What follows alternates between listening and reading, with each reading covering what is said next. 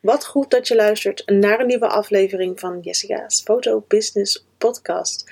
Ik wil het vandaag met je hebben over een aantal geheimen die jou gaan helpen naar succes in het nieuwe jaar. We zitten momenteel, als ik het dus opneem, deze podcast, in november. En dat betekent dat je waarschijnlijk, ik zou het je in ieder geval wel aanraden, bezig bent met het evalueren van dit jaar en het vooruitkijken naar volgend jaar.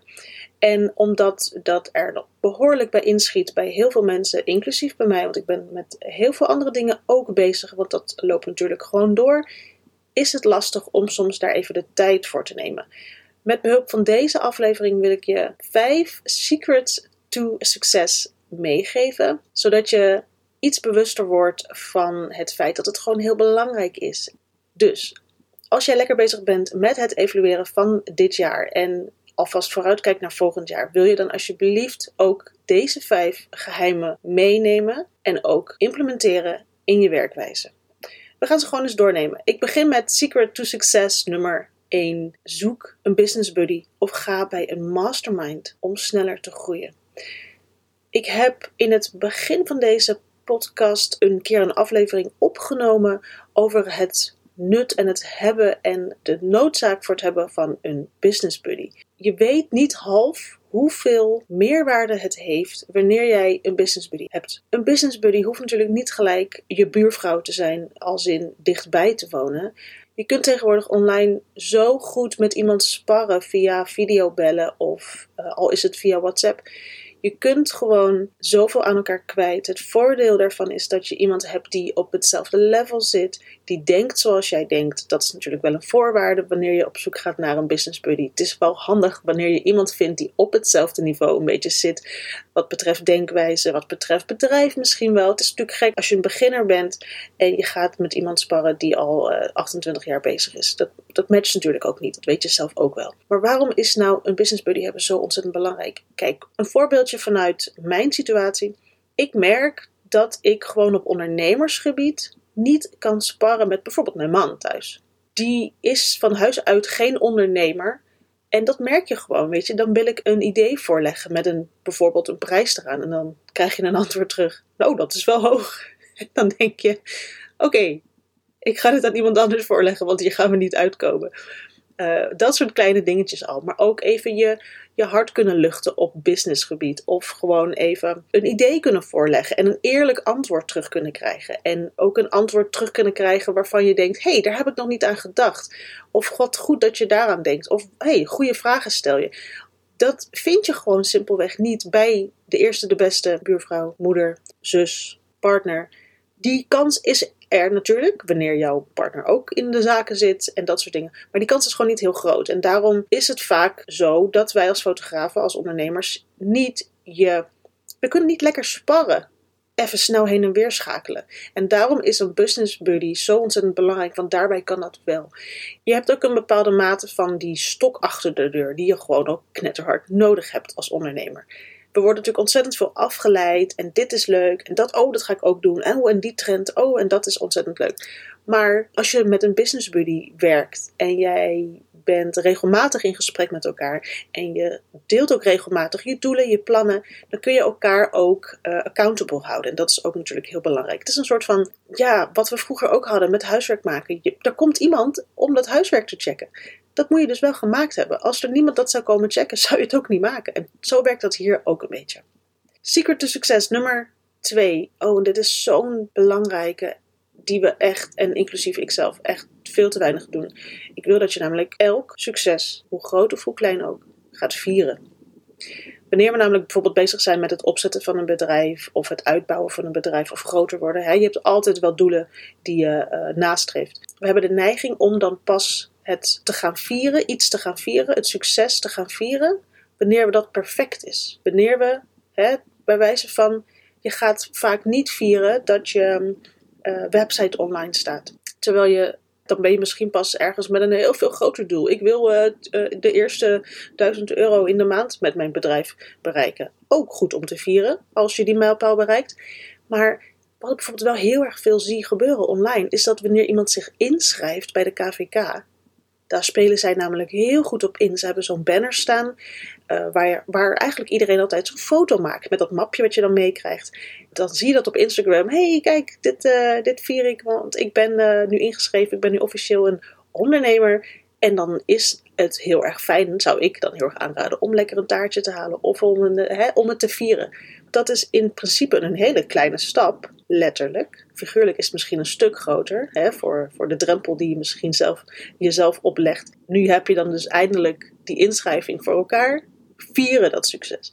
Maar bijvoorbeeld ook het andere kleine successen, die vergeten we heel erg vaak. En dat is gewoon ontzettend zonde, want wij hebben die schouderklopjes nodig. Je hoeft niet van iemand anders te horen dat je het goed hebt gedaan. Daar wachten we ook vaak wel op en dat snap ik.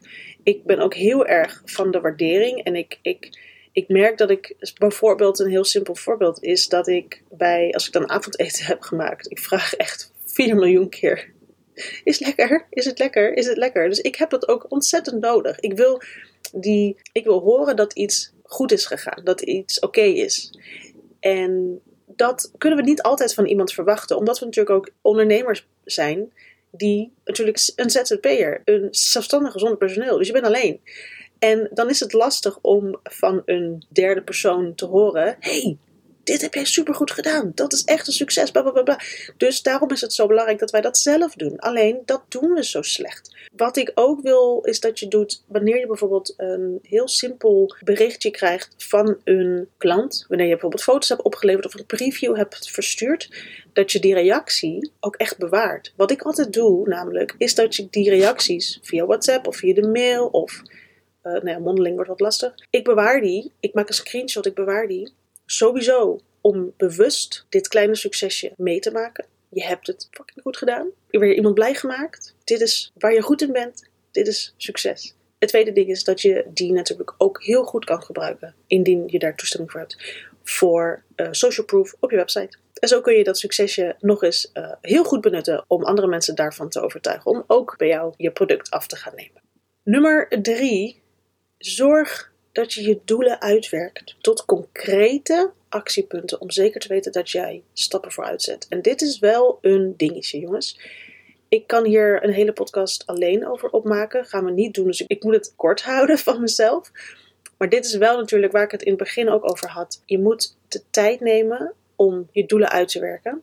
Je doelen uitwerken, dat doe je door onder andere je doelen van vorig jaar te bekijken. Wat is er goed gegaan? Wat is er minder goed gegaan? Wat hoe komt dat? Dat soort dingen. En daarna gaat vooruitkijken naar wat je doelen zijn van het volgende jaar. Of van de volgende periode.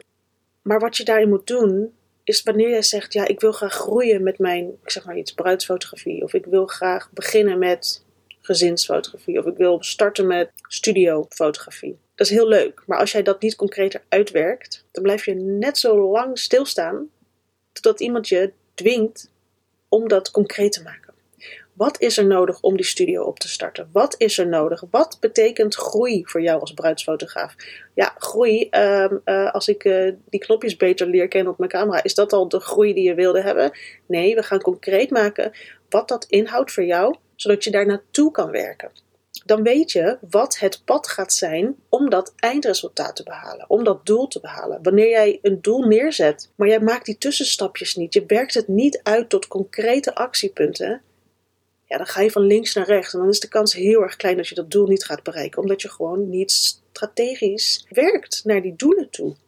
Dus als jij doelen voor ogen hebt, ga dan na. Is dit concreet genoeg? Ga sowieso kijken, bijvoorbeeld het voorbeeld. Jouw doel is: ik wil groeien als bruidsfotograaf.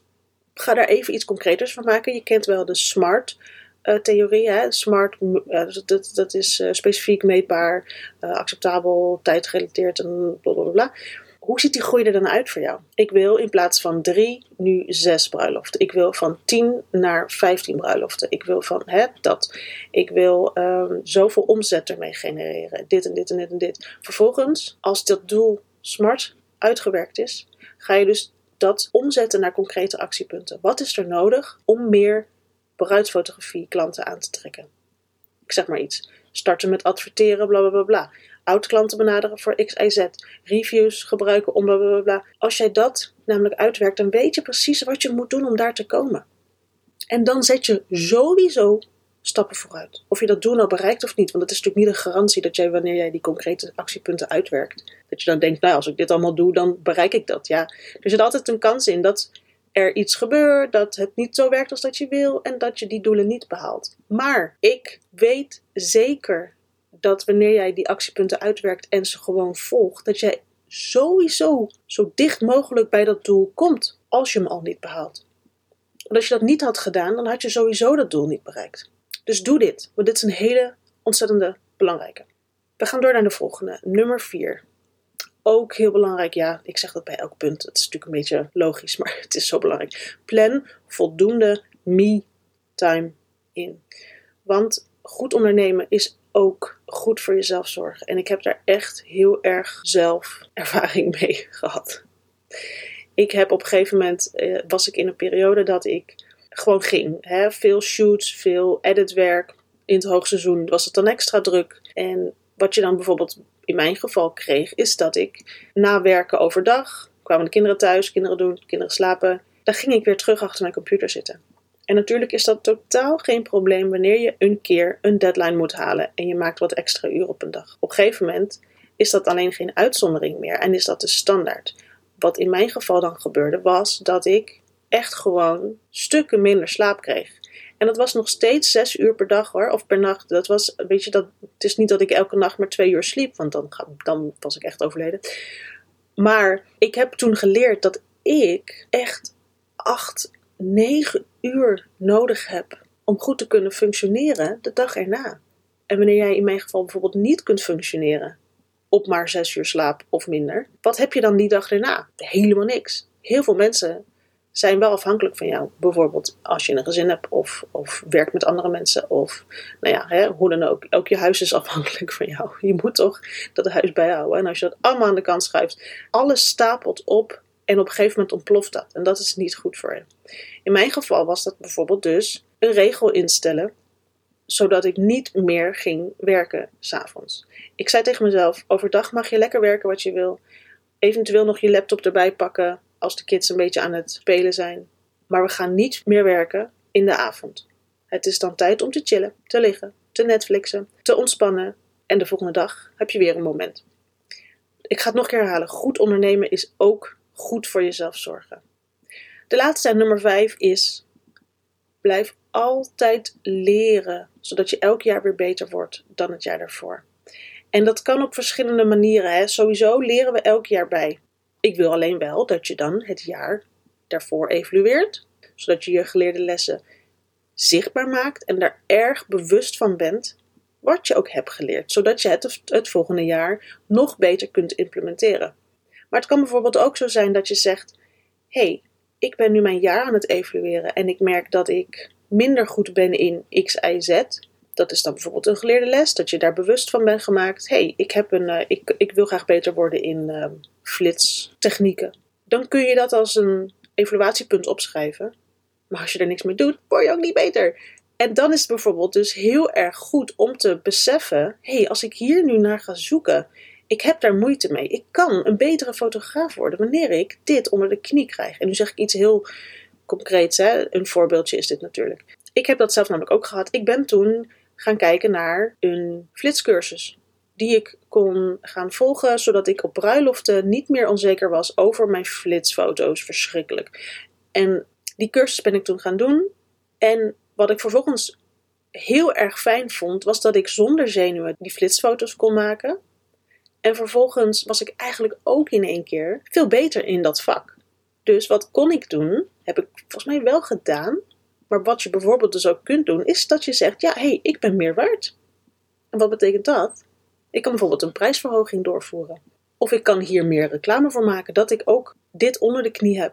En zo, als je daar heel erg bewust mee omgaat, kun jij eigenlijk altijd blijven groeien en elke keer weer beter worden. Alleen doe je dat heel erg bewust. En dat is belangrijk, want dat gaat extra hard als je daar bewust mee bezig bent.